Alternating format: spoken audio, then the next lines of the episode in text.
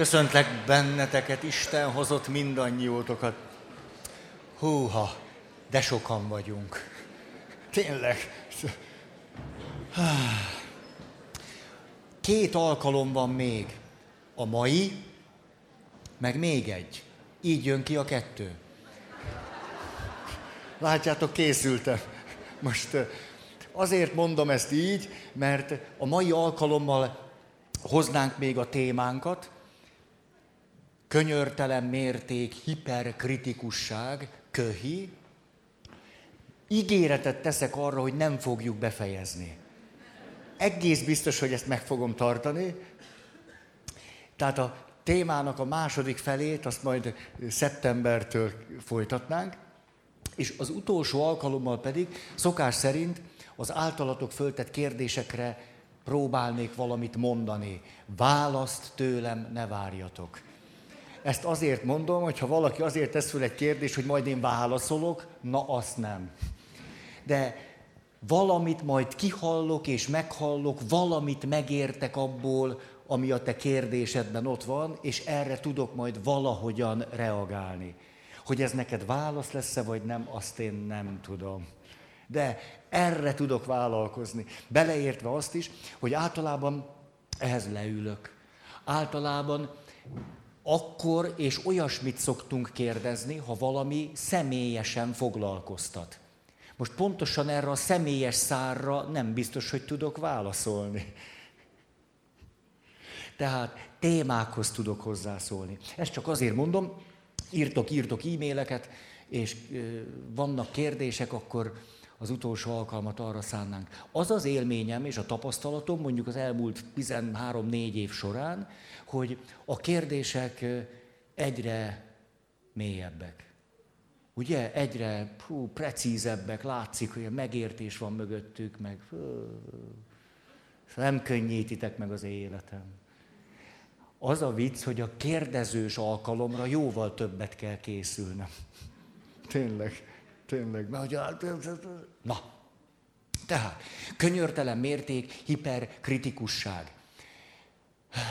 Minden séma négy dologból áll. Érzések, gondolatok, szelektív emlékek és testi fizikai állapotok. A cselekvés nem a séma része, hanem a cselekvés már valamiféle válasz a sémára. Mit jelent az, hogy séma? Mi kora vagy gyerekkorban kialakuló negatív sémákról beszélünk. Amikor a séma kialakul, az azzal összefüggésben megjelenő érzéseink, gondolataink, testi állapotaink és esetleg megelőző emlékek kifejezik az ott és akkort. Csak hogy az bennünk mélyen rögzül, és öt év múlva, meg ötven év múlva is ez a rögzült élmény és állapot, ami ott és akkor pont úgy volt, most meg itt nem így van, vele úgy volt, most veled már nem úgy van, és mégis én ezt hordozom magammal. És aktívvá válhat bennem az az érzés, érzések, érzelmek, gondolatok, emlékek, fizikai állapotok, amelyek az itt és mostból tulajdonképpen nem is vezethetők le. Nem ahhoz kapcsolódnak, hanem az én sérültségemhez, vagy a séma világához. Az első nagy lépés tehát, amikor rájövök, hogy nem is az itt és mostban vagyok. Hát ez egy óriási lépés. A háromféle cselekvésben adott válasz mindig ugyanarra a rugóra jár. Az egyik, a séma így elönt, bekebelezés, semmi rálátásom nincs arra, hogy éppen egy sémának a fogja vagyok akkor az történik ebben a sémában, hogy erőt, erőnek feszítve igyekszek megfelelni, teljesíteni, jónak lenni, de mindezt nem elvárásnak való megfelelésből, hanem belső indítatásból. És ez itt lényeges része a sémának. Nem elvárásnak akarok megfelelni. Nem azt gondolom, hogy nekem mindegy lenne, csak hát a tanár úr, vagy a feleségem, vagy a gyerekem, vagy a munkatársam, vagy a főnököm, hanem én magammal szemben vagyok könyörtelen és kritikus, és egyébként ezt kiterjesztem mindenki másra. És. Mert hát akkor az már nem áll semmiből. hogy kiterjesztem -e ezt másra, az nem adódik közvetlenül a sémából. Vagy kiterjesztem, vagy nem. De ha magamra alaposan kiterjesztem, az már azt jelenti, hogy a kapcsolataimat ez döntő módon meg fogja határozni. Emlékeztek a maximalista és a perfekcionista házaspár mézes heteire. Amiben akkor volt méz, ha vettek. Mert egyébként már ott elkezdték egymás szétgyilkolását. Mégpedig azért, mert egyébként szerették egymást, csak az egyik mindent tökéletesen akart, a másik pedig mindent akart. És ez a kettő nem fog tudni együtt élni egymással. Tehát éppenséggel lehetséges, hogy a séma logikája döntően és alapvetően rám terjed ki. Én nem mondom, hogy te is legyél perfekcionista, de én az vagyok, és ha akadályozol benne, akkor dühös vagyok rád. Én nem mondom, hogy mindent meg kell csinálni ma, ami föl van írva a képzeletbeli listára. Igényeseknek nem képzeletbeli a lista. Ha már csináljuk, ugye akkor... És hogyha te egy igazi maximalista vagy, a listákat el is rakod. Jó, milyen jó, azt egy év múlva visszanézed, hogy nehogy valamit most kihagy. Bűnös feledékenységből. Tehát ha ez a séma rám vonatkozik, akkor mindent bele kell gyömöszölni az időbe. És mindig az az élményem, hogy kevés az idő. Mindig kevés az idő, és egyre kevesebb az idő. Kevés az idő. Ahhoz képest, amit meg kell csinálni, kevés az idő. Megvan ez az élmény nektek? Most azt mondja, tegye föl az a két ember a kezét, akinek ez nem ismerős. Igen, sajnáljuk a munkanélkülieket. Szóval lehetséges, hogy én azt mondom, nem, én nem gondolom, hogy neked tényleg mindent bele kellene gyömöszölnöd a napodba, na de én egy űzött vadként élek. Ez nyilvánvalóan hatást fog rád is gyakorolni.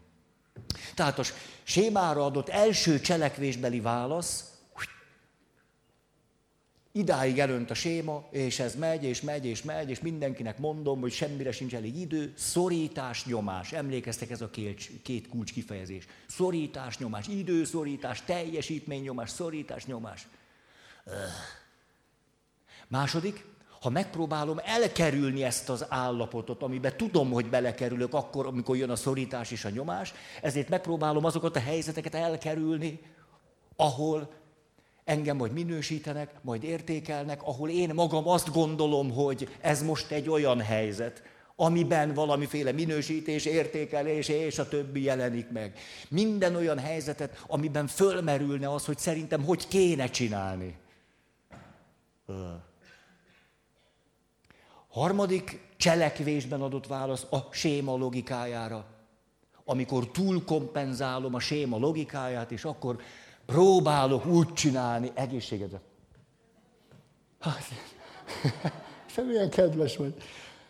Próbálok úgy csinálni, mint hogyha nem is érdekelne.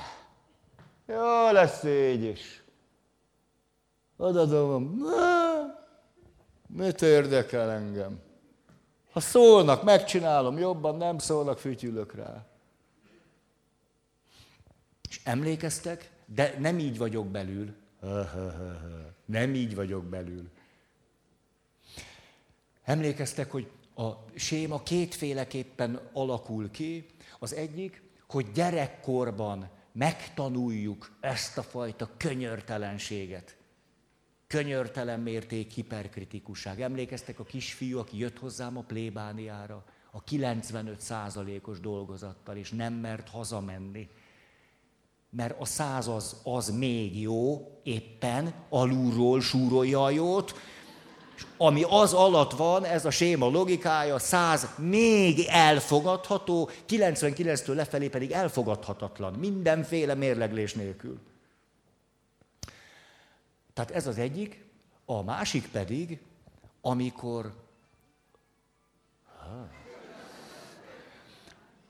a sebzett önbecsülés, sebzett önértékelés, a szégyen sémát kompenzálom túl. Ide tartozhatnak azok a személyek, akik narcisztikusak. Ott mindig van egy sebzett gyerkőc, emlékeztek, erről beszéltünk, egy sebzett gyerkőc.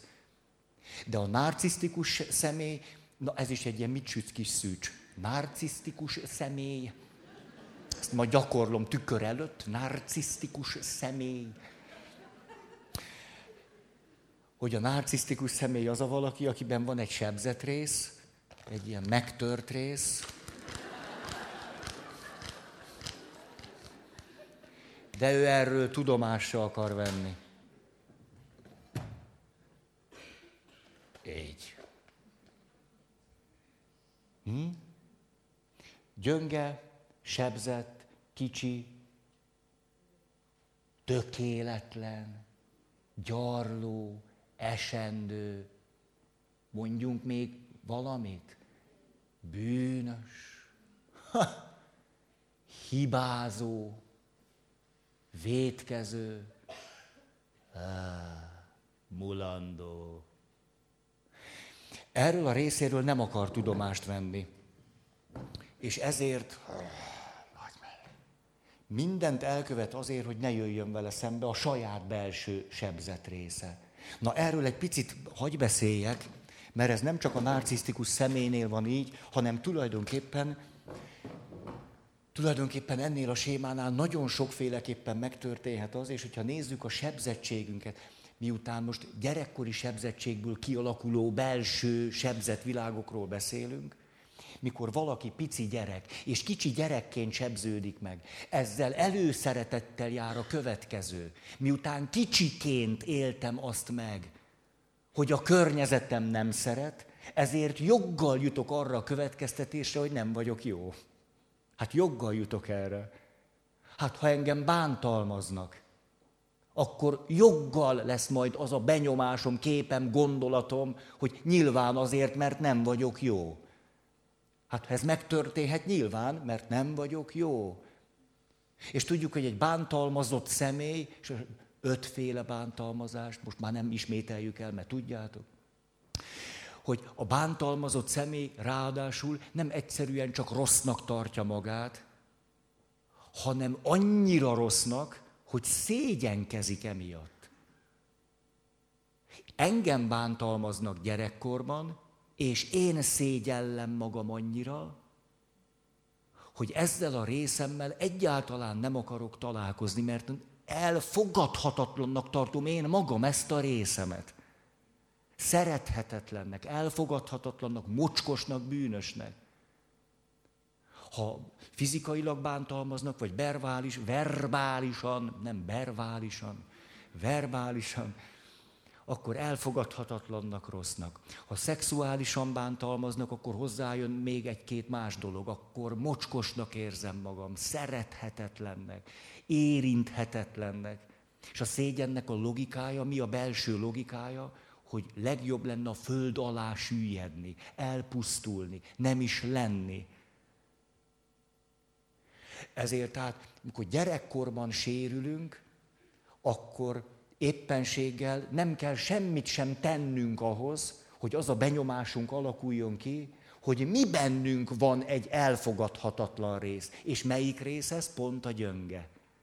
Akivel meg lehetett tenni azt, akivel ezt és azt elkövették, akivel ez történt és az történt. És ez a rész elfogadhatatlan lesz számunkra. Miért? Mert az életben maradásunknak az a belső kulcsa és logikája, hogy az a fájdalom, sérelem, bántalmazás, ami bennünket ér, az sokkal nagyobb érzelmi, fizikai teher, mint sem, hogy egy évesen, vagy öt évesen, vagy tizenöt évesen, az elhordozható lenne.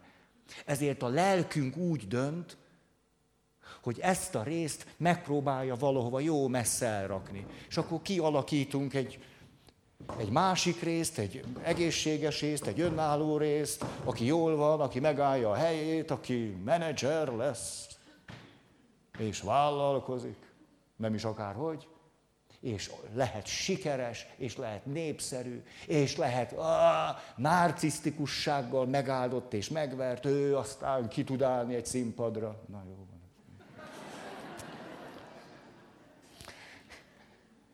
És tulajdonképpen a belső logikája annak, ahogyan kifejleszti ezt a másik részét, hogy minél nagyobbra fejlesztem ezt a részem, azt remélem, hogy ő vele annál kevésbé kell találkozni.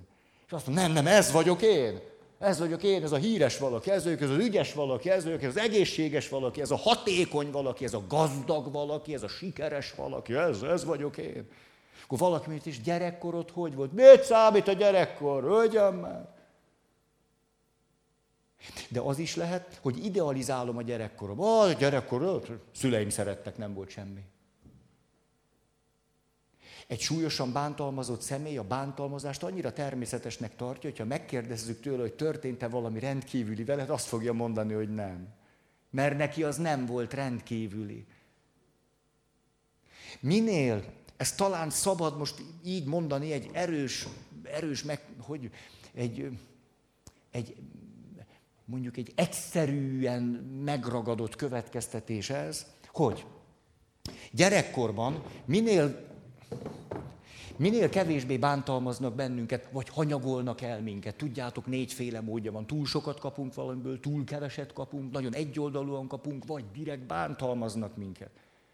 Ha ezek a fájdalmaink, sérüléseink, sebzettségeink vannak, de nem igazán mérehatolók, tehát nem nagyon súlyosak, vagy nem hosszú ideig fönnállóak, akkor az fog történni, hogy lesz egy sebzett részünk, Közben kidolgozunk egy egészséges részt, aki próbál talpon maradni, mert nyilván nem tudunk mindig ebben élni. Most képzeljétek el, hogy engem apám megver minden este, de nekem másnap reggel be kell menni az iskolába. Hát ha csak ez a részem létezik, akkor nem tudok tanulni, nem tudok odafigyelni, semmit nem tudok, ha csak ez a részem létezik. Ezért kidolgozok egy, egy, valahogy egy egészséges részt. Valahogy, valahogy. És megpróbálok ebben lenni. Esténként persze itt vagyok, de nappal megpróbálok átülni ide. Ha apám mondjuk csak egyszer-kétszer püföl el, akkor nincs nagy akadálya annak, hogy ezt nem kell letagadnom. Mondhatom azt, igen, hát apám háromszor, négyszer jó megvert. Nagyon dühös vagyok rá, vagy...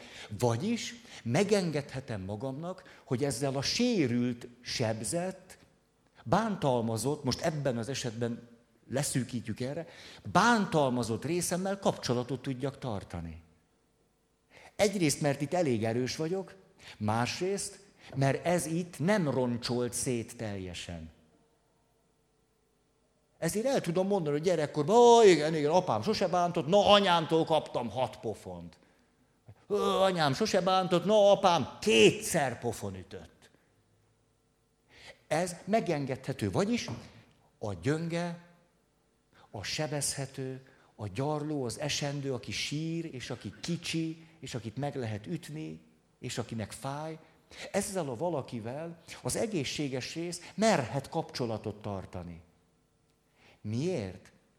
Azért, mert ha itt túl sok lenne a fájdalom, itt olyan erős a félelem, vagy a szorongás, vagy az aggodalom, vagy a rettenet, vagy a szégyen, hogy belül az a belső meggyőződése a lelkemnek, hogy innen menekülni kell. Ezt nem szabad itt, itt átélni. Ezért átjövök ide. Azt mondom, ezzel nem, nem, nem.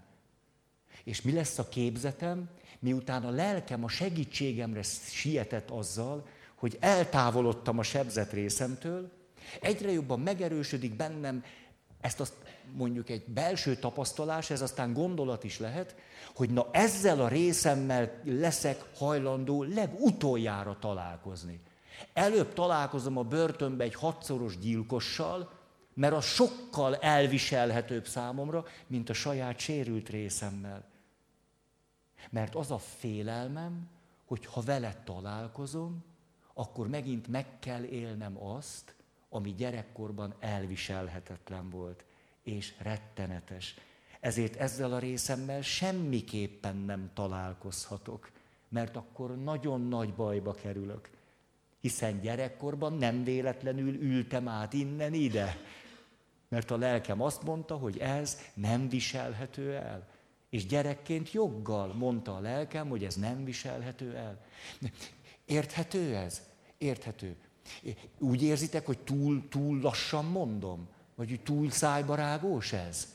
Nem? Ne. Most tényleg, aha, vagy hogy, hogy kedves vagy. Jó. Ah.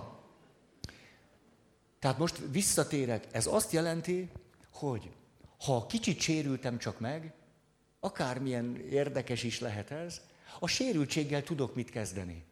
Nem gondolom, hogy ez majd elnyel, vagy elpusztít, vagy elviselhetetlen, vagy bele fogok dögleni. Hogy rettenetes, elviselhetetlen szégyen, és föld alá kellene süllyednem. Ezért merek vele kapcsolatot tartani. Így viszonylag gyorsan gyógyulok.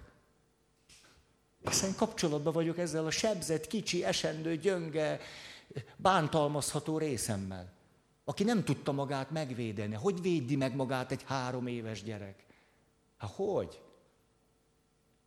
Minél nagyobb a sérülés gyerekkorban, annál inkább dönthet a lelkem úgy, hogy messze el onnan, dolgozzunk csak ki egy erős részt, egy, nem, nem bántak, ez egy, egy, egy hatékony részt. Egy, és erről ne vegyünk tudomást. Egészen eljuthatunk a narcisztikus személyiségzavarig, és akkor tovább megyünk, mondjuk a legsúlyosabb lehet, akár, nem ez a legsúlyosabb, de mondjuk, mondjuk amivel mi találkozunk, most a pszichiátriai kórképekről nem beszélek, mondjuk traumatizálódik valaki. Az azt jelenti, hogy nagyon súlyos seb. Mikor valaki egészen a traumatizáltságig jut, háború, sokan traumatizálódnak. Tűzoltók traumatizálódhatnak. Krónikus beteget hosszan ápolók traumatizálódhatnak. Baleset kapcsán traumatizálódhatunk. Szívinfarktust átélőknek körülbelül 10%-a traumatizálódik. Hát nem annyira elképzelhetetlen, hogy valaki traumatizálódjon. Ez azt jelenti, hogy ez a gyönge rész egyáltalán nem fogadható el többé számára. Mert nem lehet vele élni. Ugyanis, amikor traumatizálódott, itt a főkapcsolót lekapcsolták. Nincs érzés. A belső stabilizálódás, önszervezés megszűnik. Már csak állok, és és valami megtörténik velem, amihez már nem tudok se kívül, se belül szabad cselekvő módon kapcsolódni. Ha valaki traumatizálódik, ami prostituáltaknak a legnagyobb része traumatizálódik. Most azon túl, hogy szexuális bántalmazást szenvednek el nagyon sokan gyerekkorba, vagy serdülőkorba, a prostitúció során még traumatizálódnak is.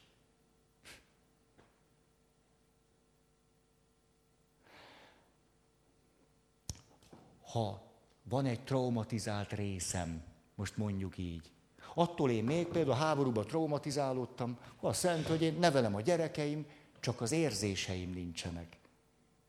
Nem jönnek érzések. Le, le van kapcsolva a főkapcsoló. Ha jönnek is érzések, ó, csak nagyon vékonyan, vékonyan. Ha egy traumatizált szemét megkérdezünk arról, hogy na, gondolod-e, hogy van egy sérült részed? Ha azt mondja, hogy hát a háborúban ezt éltem meg, és tényleg ott, ott kővédermettem, és csak... Hogy akarnál-e találkozni ezzel a sebzett részeddel? Minél inkább sérült valaki, a traumatizált személyek nagyon, a következő választ fogjuk kapni. Erről a sérült részemről hallani se akarok. Nem, hogy találkozni vele. És hogyha azt kérdezzük egy traumatizált személytől, hogy hova tegyük a te sérült részed, akkor azt fogja mondani, hogy vigyük ki a teremből. Egyáltalán nem akarok róla tudni. Így csináljuk így. Legyen így. Így. Hú, most egy kicsit megnyugodtam. Nincs itt benne ez a sebzett rész. Ez így megnyugtató. És amikor egy traumatizált személy ennyire nem akar tudni a sebzett részéről, Az az érdekes, hogy az ő gyógyulása nem úgy történik, hogy én, mint segítő azt mondom, na ne szórakozzál, sose fogsz meggyógyulni, ha nem mondod el, mi történt. Na vegyük csak elő. És amikor elkezdjük elővenni ezt a sebzett részét, mi történik vele? Le fog fagyni. Hát nem fog tudni kapcsolódni a sebzett részéhez. Mert azt tanulta meg, hogy az életben maradás kulcsa, hogy a sebzett részhez nem kapcsolódunk. Mert ott van a pusztulat. Ezért hiába egy szexuális vagy súlyosan bántalmazott valakit nem kell kikérdezni arról, hogy mi történt vele. Mert ha ő traumatizálódott, akkor vagy nem tudja elmondani, ez az egyik, vagy érzelmileg olyan távolságtartással mondja el, hogy az őt egyáltalán nem fogja gyógyítani. Nem kell elkezd, de akkor most, most, akkor most. Ha ez így van, akkor akármilyen furcsa, fordítva kéne eljárni. Ez pedig az, hogy megerősödünk az erős részünkben. És megerősödünk, és megerősödünk, és megerősödünk még kétszer annyira, mint ahogyan eddig. És amikor már nagyon megerősödtünk ebben a részünkben, akkor merhetünk vele találkozni. Mert különben agyon nyom bennünket a félelem, hogy nem lesz elviselhető, hogyha vele találkozom. Egy ilyen esetben, ha valaki azt mondja, tulajdonképpen, na jó, legyen itt. Így. Látni nem akarom, de egyáltalán elfogadom, hogy van. Ez egy óriási nagy eredmény. Már az, hogy elfogadom. Lehet még egy lépés, na közel, és még, és közel. Ez évekig tarthat. Hát a nagy naivitás, hogyha valaki nagyon megsérül, akkor beszéljen róla. Nem is tud róla beszélni. Ha meg nagyon erőltetjük, akkor visszazuhanhat abba a belső lefagyottságba, amiben a traumatizáltság történt. Akkor rásérül. Annak mi értelme? Miért akartam ezt nektek elmondani? Azért, ugye, e, jaj, most eszembe jutott, az milyen döbbenetesen megrázó volt, ahogy volt most talán, nem is tudom hol, Pestől nem messze, bántalmazták a szülők a gyerekeket. És akkor volt egy bírósági eljárás, és azt hiszem a szülőket el is ítélték, de nem túl sok, akkor ti látom bólogattok, hogy megvan ez, és akkor nem tudom, hogy pontosan hogy volt, de a leírásban az szerepelt, hogy a gyerekekkel úgy beszéltek a, a rendőrségi, tehát a nyomozati szakaszban, ahogyan tilos olyanokkal beszélni, akiket így bántalmaznak. Hogy ne hazudjál, őszintén mondjál mindent, hát egy traumatizált személlyel nem lehet így beszélni. Ez maga a, a rettenet. Vagyis onnan indultam el, hogy ez jó, egy ilyen, ilyen tavaszi, lágy témát gondoltam, hogy így ide hullámoztatunk, és úgy ráfekszünk, és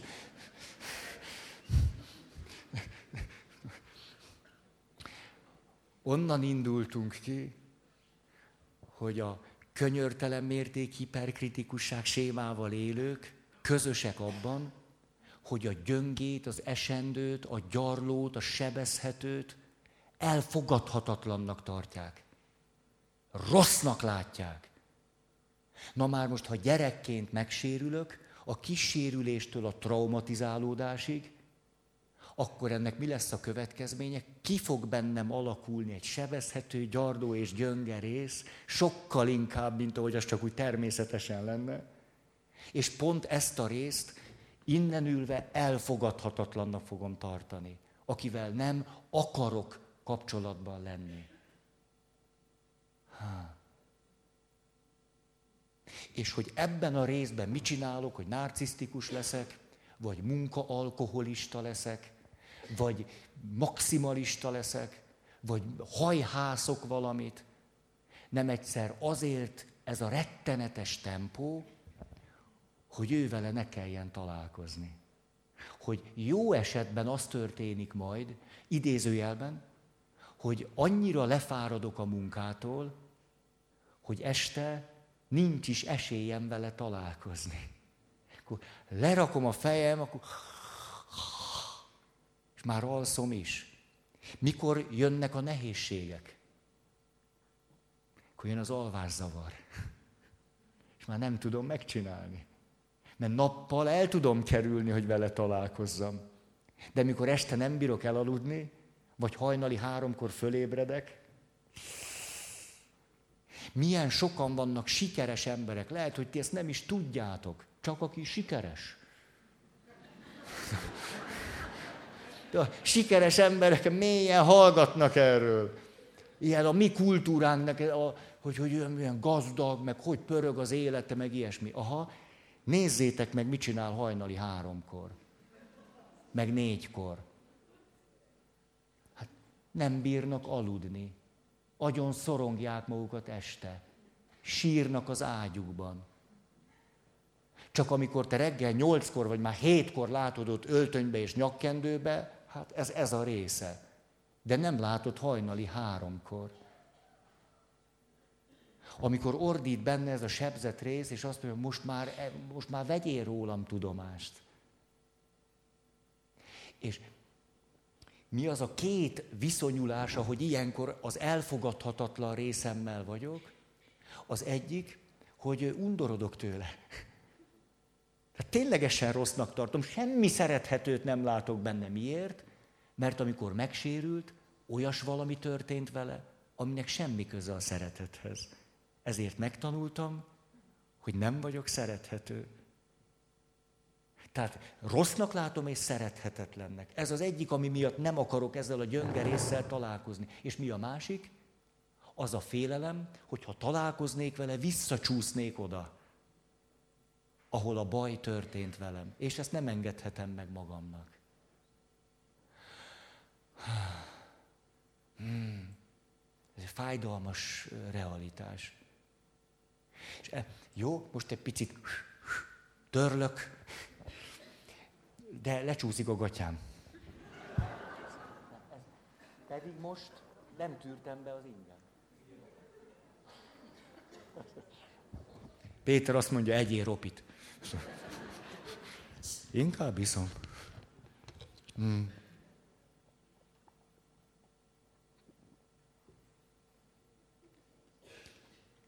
Azért kellett a három szék, nem, vissza szeretném idézni nektek, emlékeztek, hogy a vallás és kultúr történetben milyen érdekes ez a három lépés.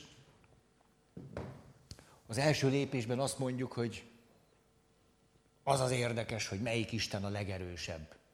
És az erős Isten legyőzi a gyönge isteneket. Az erős nép a gyönge népet, ezért erősnek kell lenni.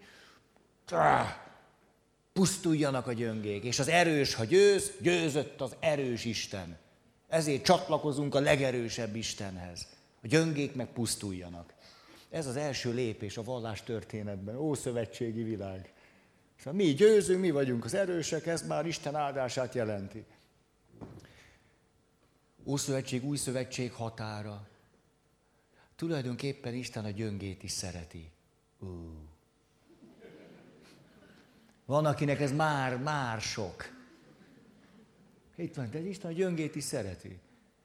Jó, hát ő is mondjuk a választott néphez tartozik, de hát kétségévi gyönge, meg bűnös. De...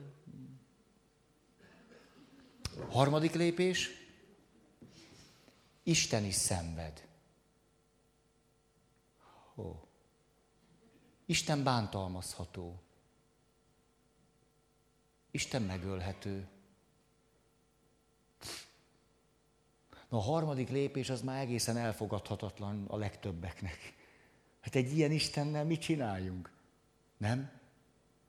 Hogy van akkor ehhez a három lépéshez kapcsolódó belső hit viszonyulás? Azt is mondhatnám, a spiritualitás hogyan fejlődik bennünk. Következőképp, amikor itt tartok, hogy én a legerősebb Istennel tartok, akkor mit mondok? Hogy imádkozik egy ilyen ember, aki így látja Istent? Legerősebb Istenbe kell hinni. Azt mondja, Uram, te az a valaki vagy, aki minden rossztól engem meg tudsz menteni. Ezért kell nekem a legerősebb Isten, mert ha csak a második legerősebb vagyok, a legerősebb Isten még kiszúrhat velem. Ezért a legerősebb Isten, és akkor, ha te vagy a legerősebb, akkor az azt jelenti, hogy semmi nem lehet olyan, ami engem bajba sodorna, mert te vagy a legerősebb, és én hozzád imádkozom, én áldozatot mutatok be neked, én letérdelek úgy, ahogy a szent könyvek mondják, meg a papok. Akkor nem lehet baj. Kőbe ne üsd a lábad. Na, nincs is baj. Az élet erre rá szokott szápolni. Ez nagy segítség ahhoz, hogy átlépjünk a második lépésbe. Ugye itt azt értettük meg, hogy Isten nem veti el a gyöngét vagy a gyarlót. Ha. Hmm. Olyan igazságtalannak tűnik ez, de hát... Hmm. Itt akkor hogy fogok imádkozni? Mi lesz az imádságon belső mozgató ereje? Itt már elfogadom, hogy történhet velem baj, és a következő kép imádkozom, Uram, légy szíves, kérlek, tudom, hát az élet néha jót hoz, néha rosszat, jön a betegség, vagy a gyöngeség, néha ez egészség, én is olyan ember vagyok, mint bárki más, azt kérem tőled, hogy amikor nehéz, akkor legyél velem. Hogy akkor ne hagyj el engem, légy szíves. Hogy mindig, amikor nehéz, akkor erősíts meg. Ugye nem azt kérem, hogy vedd ki őket a világból, tehát kérlek szépen, akkor Istenem, hát nem azt mondom, hogy minden rossztól kímény meg, mert ugye ez nyilván lehetetlen egészségedre. Ugye trüsszentünk, allergiások vagyunk. Te is? Allergia. Ilyet. De akkor uram, nem azt mondom, hogy ne legyek allergiás, csak mondjuk, mondjuk a szememet ne érje. Takony folyhat, de látni szeretnék hogy legyen akkor úgy, hogy ha meg nagyon rosszul vagyok, akkor azt kérem tőled, hogy ez ne vegye el az életkedvem. Ó, hát ha allergiás vagyok, allergiás vagyok, akkor azt kérem tőled, hogy így is tudjak örülni az életnek. Találjak egy férfit, aki allergiásan is szeret. És nem írja le rögtön az első sorba, hogy allergiamentes nő jeligére postafiók öt. És ez milyen szép, hogy találok egy férfit, aki engem allergiásan is szeret. Ez jó, nem? Ez jó, jó, jó, jó. Ez, ez itt a második lépés. Ha-ha. De mi a harmadik? Hogy imádkozom akkor, amikor, amikor itt vagyok, és azt mondom, ó, megismertem az Istent, aki maga is tud gyönge lenni. Sebezhető. Halandó beleoltva a húsba. Itt a következőért imádkozom. Uram, hát én pontosan tudom, hogy jó és rossz dolog egyaránt ér mindegyikünket. De engem tulajdonképpen nem ez érdekel, hanem az érdekel, hogy kiért mit érdemes megtenni. És én most rád gondolok, meg az embertársaimra gondolok. Mondd meg nekem, légy szíves, hogy kiért mit tegyek. És hogyha azt mondod, hogy ő érte, vagy ő érte, vagy te érted, ezt, azt vagy amazt, és ez szenvedéssel, fájdalommal, sebződéssel, akármivel jár, akkor számomra ez egy értékes dolog, mert éppen azt csinálom, ami a te terved, ami jó a másik embernek, ami valahogyan valami több. Ezért kérlek szépen, mutasd meg nekem, hogy volna érdemes szenvedni. Én nem akarom a szenvedést, a szenvedés nem jó. De semmit nem akarok elkerülni belőle, hogyha hából valami jó tudna kijönni. Hát ha a gyerekem, hát ha a gyerekem beteg, akkor imádkozhatom azért, hogy ö, ö, sose legyen az. Ha beteg, azt mondja, na, viselje el jól. De itt nem ezért imádkozom, hanem hogy ezen keresztül történjen valami jó. És hogyha én tudok ebből valami szenvedést vállalni azért, hogy ő jól legyen, na azt a szenvedést semmi pénzért nem akarom elkerülni. Hát nem is imádkozom azért, hogy ez a szenvedés ne legyen. Hogy hogy lehetne úgy, hogy a gyerekem biztonságban érezze magát, de nekem ne kelljen éjszaka fölkelnem. Hogy lehetne leszorítani a lázát úgy, hogy én nem kelek föl hozzá?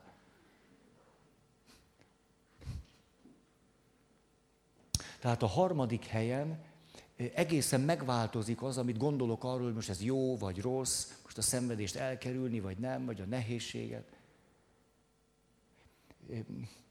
Itt van nagyon sok közös logika. Mi jó, meg mi rossz. Itt ennek a logikának a felülmúlása történik. Itt elkezdek egészen más szemmel látni.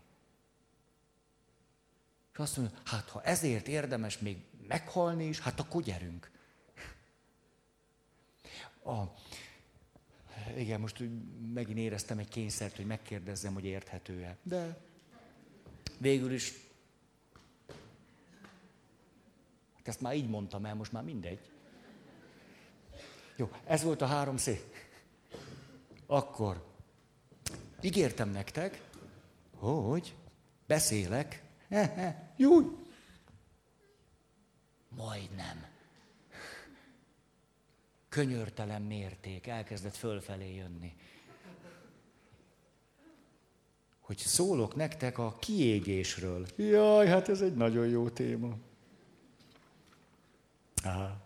Előtte emlékeztek még a százalékokra? Emlékeztek, ugye?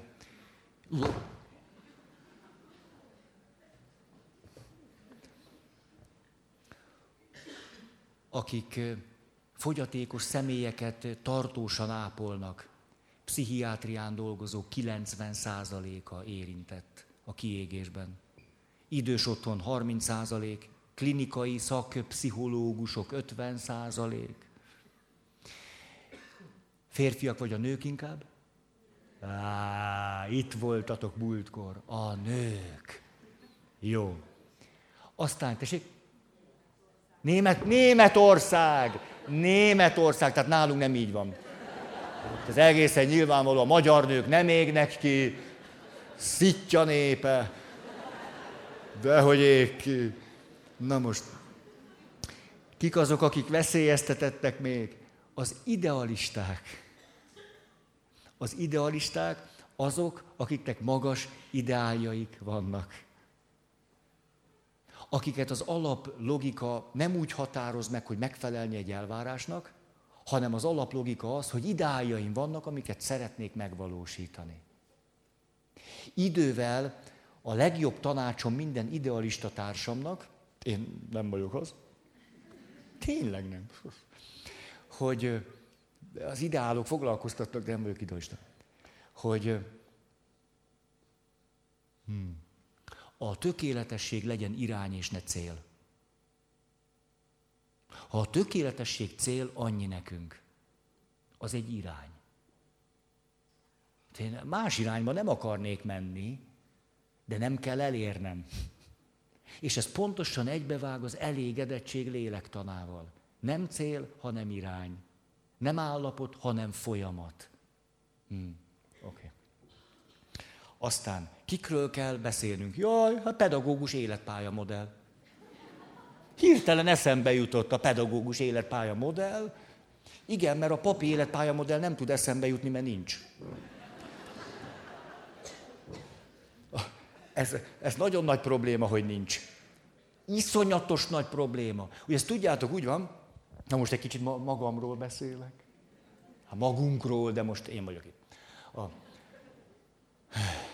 Fölszentelnek mondjuk 24 évesen pappá, jó, hát 25, mert ott elűzött, tötymörögtél egy évet, és már ott, ott lazulsz, ugye? Tehát nem, nem rohansz bele a aratásba, hanem még egy kicsit ott üző, vetegetsz.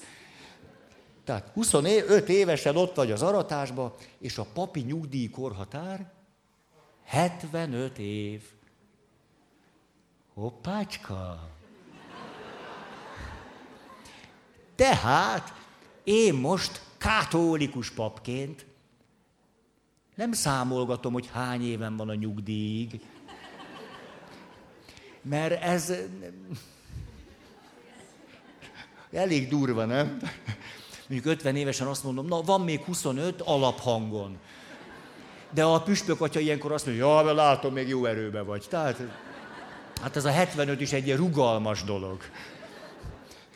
Szóval 75 év a nyugdíjkor, ez azt jelenti, hogy alaphangon 25 év, mi 50 év.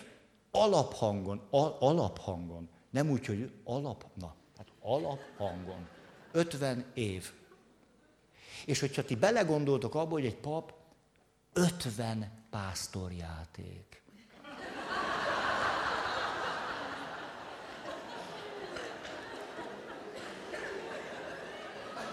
Most eszembe jutott a her. Nem, nem, nem, nem, nem, nem, nem, nem. A pásztorjáték egy csodálatos dolog, de nem ötvenszer egymás után, úgy, hogy én rendezem mind az ötvenet. Nem, úgy nem. Nem. Nem. Tehát az, hogy tudjátok, igen, ez nekem emblematikus. Amikor első helyemen voltam, hát persze, hogy örömmel csináltam a pásztorjátékot. Hát ez zseniális jó dolog. Volt ott egy fiatal kisfiú, nem, de olyan, mintha nem lennétek itt, csak úgy. Szóval, fiatal kisfiú, ott állt, aranyos volt, képtelen volt bármilyen szöveget megtanulni. Ha ez egy pásztorjátékban mondjuk nem volna hátrány egy-két mondatot mégiscsak. Igen, ám, de a szülei erősen hatottak rám. Tehát ők minden próbán ott voltak, és újabb és újabb ötletekkel álltak elő, hogy az ő fiúk éppen melyik szerepet tudna a legcsodálatosabban, és József felkezdték, és így Józseftől mentünk lefelé. Mert hát természetesen ők úgy látták a fiúkat, hogy ő bármelyik szerepet tulajdonképpen szövegtanulás nélkül is nagyszerűen el tudna sajátítani. Tulajdonképpen egy szerep lehetett volna egészen biztos, hogy jó szövegtanulás nélkül, a kis Jézus. De tíz évesen már nem mutatott volna annyira hitelesen. Hát a szülei ezt valami hasonló, tudjátok, mint amikor az apuka ott áll a foci edzésen, és minden edzés után elmondja az edzőnek, hogy a fiát hova kellene állítani, és miért kellene ő neki mindenképpen középcsatárt játszani. Mert látni való, hogy elesik a labdában, na de ha a kapuhoz közel esik el, az akár még be is gurul. Na, ott volt ez a kisfiú, és hát így csúszott le a, a pásztorjáték virtuális ranglétráján. Hát József, hát ez, ez, ez eleve nem. Hát a József jön, megy, Mária, Mária, hát ez, ez már sok volt. Hát, hát így akkor ugye mi az, ami még nagyot szól egy pásztorjátékon, ha mégiscsak Gáspár Menyhél Boldizsár, nem azért azok ütős szerepek. Na jó, tehát itt Gáspár az én nevem, hoztam neked tejet. Hát ez már ez is sok volt. Nem most, nem most vagy a tej jutott eszébe, vagy a Gáspár, vagy hogy a nevem, most ez a nevem, tejem, szóval ez, ez nem... Na, tehát végül, végül a Gordius, hogy csomó átvágása, ez a kisfiú, hogy ne izgulja agyon az egészet, ővele kezdődik a pásztorjáték. És akkor adtunk a kezébe egy botot. Tényleg, mert ő volt a kikiáltó. Azt. Egyetlen mondat.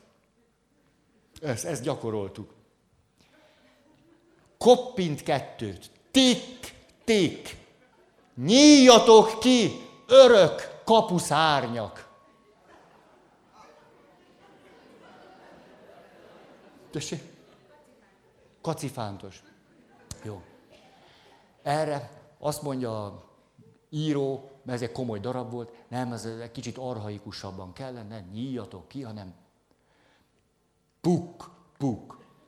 Táruljatok ki örök kapuszárnyak. És akkor kitárulnak a, ezek a kapuszárnyak, és elkezdődik a pásztorjáték. Értitek? Bepillantása a múlt eseményeibe. És a kisfiú, tíz éves volt, ha jól koppintott, már nem bírta elkezdeni mondani. Mert annyira tik, tik, és Ha meg nagyon a szövegre figyelt, akkor bejött, és bot el, és táruljatok ki örök kapuszárnyak. De bot, Petikém, a bot. Hát e, ezt a kettőt nem tudta, tehát a mondat meg a két koppintat. De az apuka ott, ott állt, tehát a Petit nem lehetett kihagyni a darabból. Ez volt a kisebbik gond. A nagyobbik, hogy azt a szót, hogy táruljatok, nem tudta megtanulni. Nem tudom miért, következetesen a következőt mondta. Puk, puk, táguljatok, kapuszárnya. Hát ugye én, mint rendező, de, de, de Petikém, nem, nem tá, a kapuszárnyak nem tágulnak. Érted, a tágulás az, az, az tágulás. Az tá, de ezek tárulnak. Értem én, atya, értem. Táruljatok! De akkor meg a kapuszárnyakat felejtette. Na jó, ezt most nem folytatom tovább, mert a lényeg, hogy nekem egy ilyen pásztorjáték elég volt.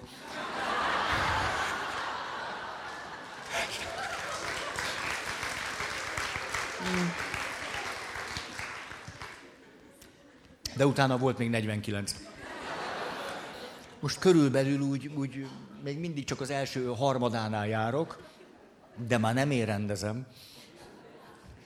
Képzeljétek, valamilyen hivatalos helyen be kellett adnom egy ilyen munkáltatói leírást rólam.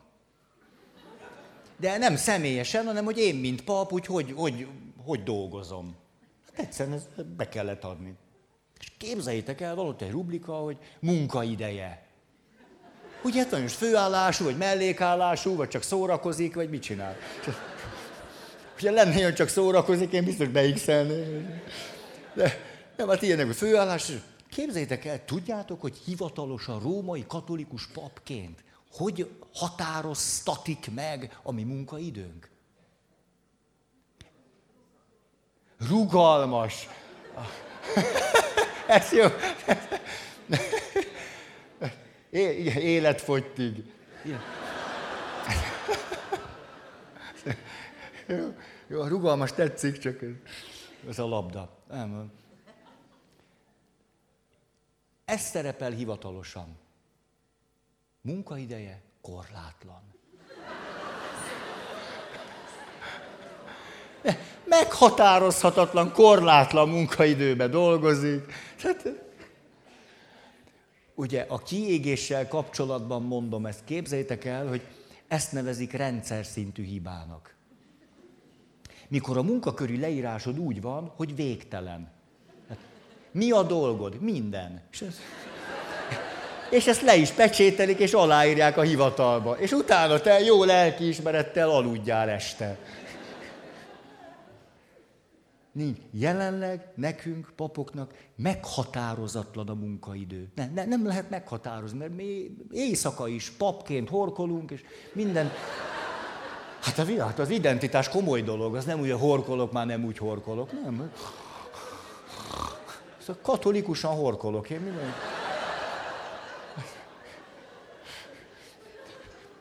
Mi, miért mondogatom ezt? Mikor életem első előadását a kiégésből meghallgattam, jó, hát persze hullafáradt voltam a sok munka miatt, nem nagyon emlékszem rá. Nem. De most amire emlékszem, az arra, erre az egy mondatra emlékszem. Azt mondja, kiégni egyedül nem lehet. Tehát akkor égünk ki, ha azok a rendszerek, amelyekben működünk, a kiégést támogatják. És azok a rendszerek, amelyekben általában élünk, a kiégést támogatják. Mert a főnök kire rak még terhet? Nem arra, aki bírja, hanem aki jelentkezik. Meg akire rá lehet rakni. Most, ha én bennem van egy könyörtelen mérték hiperkritikusság, akkor én jelentkezem és utána beledöglök. De nem baj, én jelentkezem.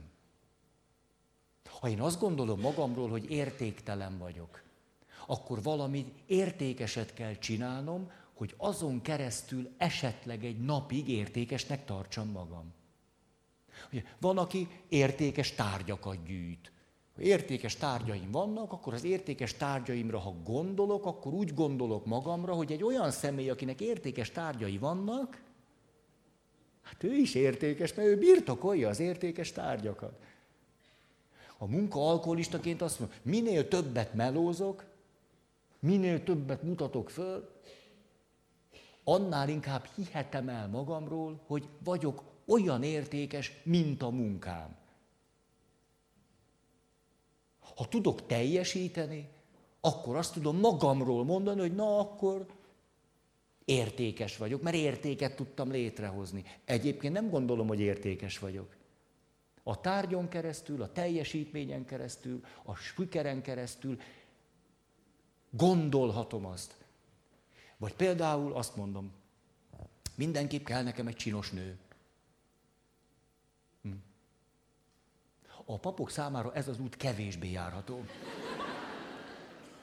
A lehetőség adva van, de akadályokkal tűzdelt az út. Kell nekem egy csinos nő, és akkor ez a csinos nővel megjelenek. Én nem vagyok értékes, de itt van egy csinos nő. És ha megyek egy csinos nővel, mindenki azt mondja, na hát, milyen csinos nővel van? Ez egy adekvát mondat. És hogy ezt mondja, ha, milyen csinos nővel van?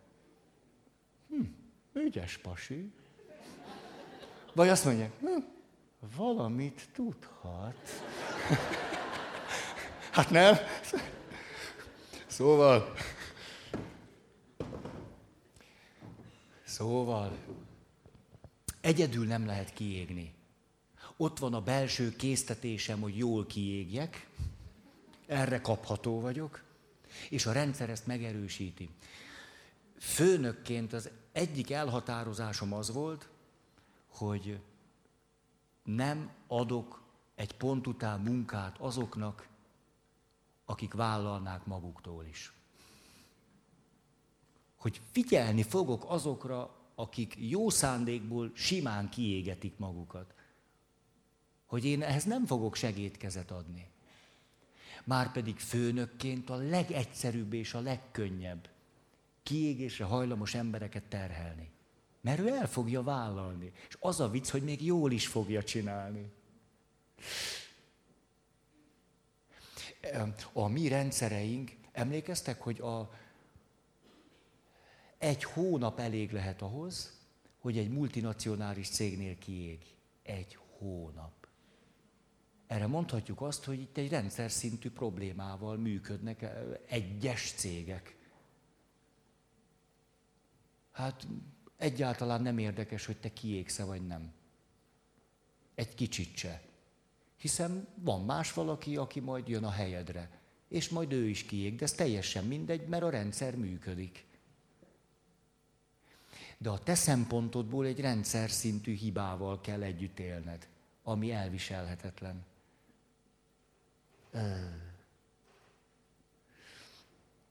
Ha, van még tíz perc. A pedagógus életpálya modelltől kacsáztam el. Mert a pedagógus életpálya modell egészen pontosan mutatja azt a tapasztalatot, hogy a pedagógusok mikor szoktak kiégni. Mi az első veszélyeztetett korszak, ezt nulladik lépésnek mondanám, az az ifjú pedagógus jelölt, aki tele van ideálokkal. Idealista, és azt mondja, majd én, majd én, hó, 30 gyerek, 40 gyerek, ilyen tagozat, olyan tagozat, majd. Főleg ez a tagozat, ez nagyon, ez hasít az agyamban. Tagozat. Tehát, ha te ilyen lelkesült ifjonc vagy, veszélyeztetettként kezded a pályát. A pedagógus életpálya ívében az első korszak, amikor sokan elhagyják a pályát,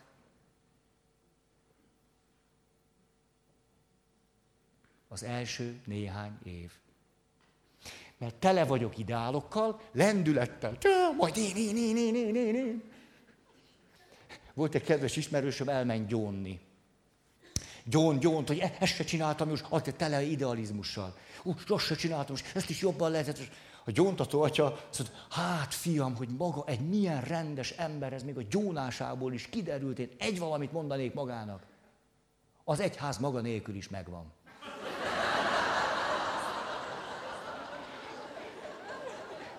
Ilyen egy öreg gyóntató, aki már nem púderez, nem porcukroz. Oda, oda az idealizmus közepébe egy nagy bököt. És tudjátok, mi az érdekes, hogy ez a ismerősöm, aki, akiben most is van, ez van, és ettől egy jó segítő, ez a grandiozitáshoz közel áll, ugye, hogy majd alkotunk, és megváltoztatunk, és ez teljesen rendben van. Ezt a történetet ő maga rendszeresen idézi. Azt mondja, hogy amikor úgy kezdene a nagy idealizmusában éppen elrugaszkodni a földtől, akkor ezt a gyóntatót elévesz ideben. Édes fiam, az egyház maga nélkül is jól megvan. Tehát az első időszak, amikor lelkesülten kiégünk, a pályakezdés. Első három, négy, öt, hat év. Mert ugyanis ott elkezdünk találkozni a realitásokkal. Aha.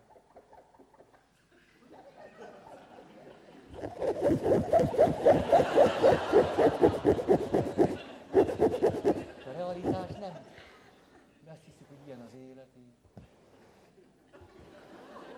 Az élet milyen? Első néhány év. Első néhány év. Ugye ide kell belebeszélni ezt. Ha valaki kibírja ezt az első néhány évet, és nem lesz pálya elhagyó, és azt mondja, hogy nekem a pedagógus pálya nem való. Ó, milyen hülye voltam, amikor szociális munkásnak mentem. Hát miért gondoltam, hogy orvosként lehet létezni? Gyerünk, izé, gyógyszerügynök vagyok.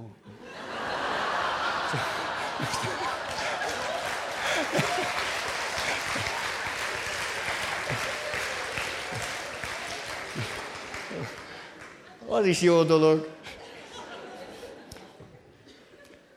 Első néhány év. Aki valamennyire képes volt az idealizmusát a realitással ötvözni, akkor ő egy olyan 10-15 évet végig túr. Ugye, mert akkor ők csinálja, osztályfőnök vagyok, na, jövő, most kezdő voltam, na, még egy négy év, na, most az elsőben elrontottam egy csomó mindent, a másodikban már egész jó volt, na, most ez a harmadik. Akkor eltelik 12-15 év, jön a második szakasz amikor a kiégés és a pálya elhagyás gyakori. Ez miért is? Azért, mert mikor a harmadik teljes kört viszem, akkor már minden rutinszerű. Már minden tudom, hogy, hogy ja, igen, most hogy a szeptember, igen, hozzátok be, igen, igen, az is hozzátok, azt ne hozzátok be. Nem, Peti, az osztálykirándáson nem iszunk, de iszunk, csak nem alkoholt, igazad van, nem fogalmaztam pontosan, azt hittem, hogy érted így is, igen.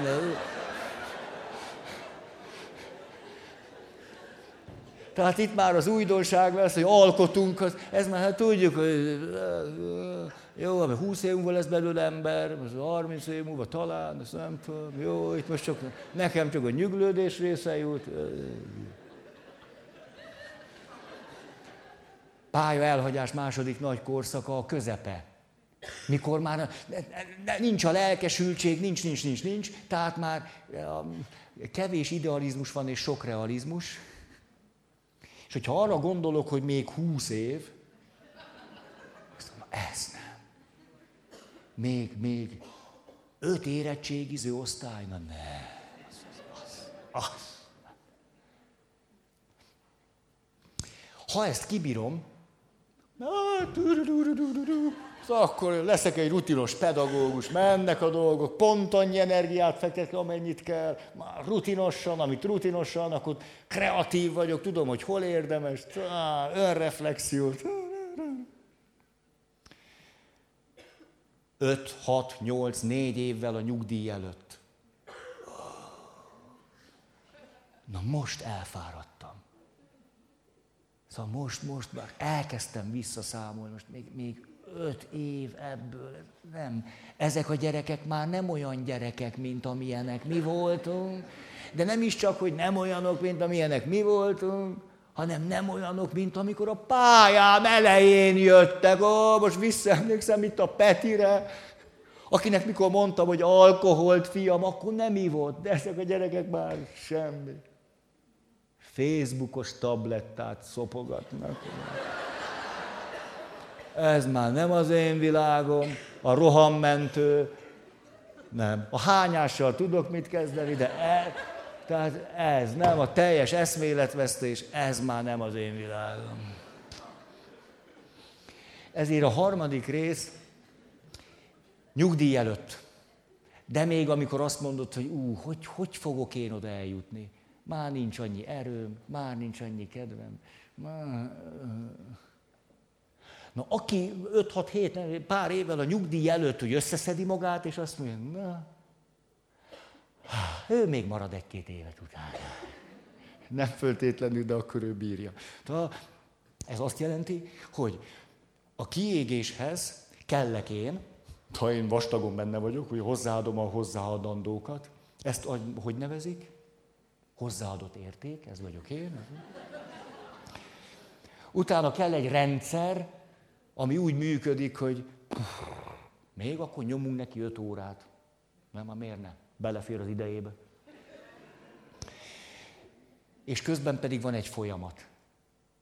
És a folyamaton belül megvannak a kritikus időszakok. Hmm. És most én ezt befejezem.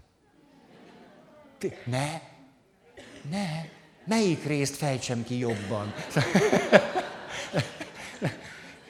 A pásztorjátékot. Hát jó van. Jó. Akkor mondok még ilyeneket. Kik veszélyeztetettek még? Egyetemisták, főiskolások. És van most egy csoport, akikről külön megemlékezem. A, hol vagy? A te kérésedre. Ez a csoport, képzeljünk el most, nem, úgy, nem tudom hány székkel, sok. Képzeljünk el egy görög katolikus lelkészt. Lehet protestáns is evangélikus, református. Föltehetően magas ideálok.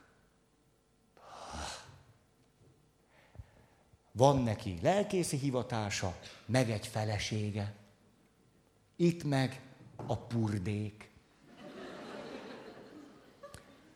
Minden olyan lelkész, aki családdal lelkészkedik, fokozottan veszélyeztetett. Mert emlékeztek, kiégni nem egyedül szoktunk.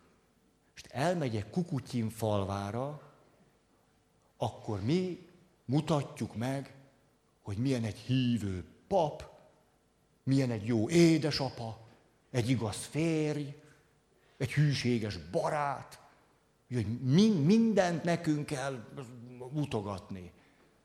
De ha nem mutogatjuk, akkor meg nézik. Tehát akkor benéznek a kertkapun, és akkor szólnak, atya, kicsit sárgul a tuja. És akkor te hajnali kettőkor, most eszembe jutott valamit, semmiképp nem fogok elmondani. Zseblámpa fényénél kurkázod a tujádat, és próbálod a fonnyat részeket valahogy ki, mert hát jönnek, ott elmennek a paplak kerítés előtt, és nézik, hogy ott az elszáradt kis tujadarabocskák. Hát milyen pap az ilyen? Persze, hát egy növényjel így, így bánik, akkor velünk hogy bánik? Még rosszabb, ha azt mondják, hogy hát nem is a papot veszi szájára a falu az asszonyt. Az asszony, hát a pap az nem ér rá. És az asszony mit csinál egész nap? Most akkor tiszteletem minden olyan lelkésznek, akinek felesége és gyerekei vannak. Mert fokozott veszélyeztetettség a kiégésre. Mondom ennek a cifráb esetét amikor a lelkész nő. abban még egy csavar van. Tehát akkor minden lelkész nő, akinek férje van, meg gyerekei, meg faluja, négy, öt. Minden tiszteletem az övé, nem érdemes kiégni. Ez a jó tanácsom. És ehhez most akkor elmondok egy történetet. Ó, zárásként. Van olyan, hogy valaki... Na. Ez, ez volt a történet. Érezhető volt. Miért? Hát már mióta együtt vagyunk, hát csak rám tudtok hangolódni. Képzeljétek el, öreg Imre atya, tényleg így volt, és tényleg Imre atyának hívják, nyugodtan mondhatom, mert nem él már. És a... Na hát ezt nem kellett volna azért. Nagyon jóba voltunk. Egy határszéli kis faluba. Sok roma él ott. Főleg. És őt nagyon szerették. Nagyon. Egyszerű ember volt élt, halt azokért, akik ott voltak. A temetésén az egész falu ott volt. És ő a következő történetet nem is ő mesélte, hanem valaki, aki ott volt. Képzétek el, megy. Ott a faluba, odaáll a cigányasszony elé az urával. Azt mondja, Ajmra, atya, adjon pénzt! Szóval ide figyelj, Maris, Na, hányszor megmondtam, pénzt nem adok, krumpli van, munka van, pénz nincs. Hát akkor meg áthozlak téged, papfajzat.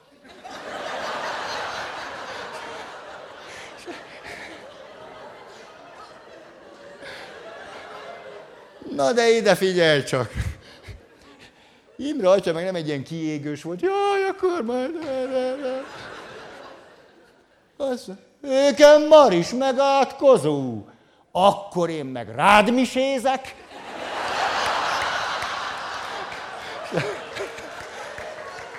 Megdög lesz te is, meg a puja.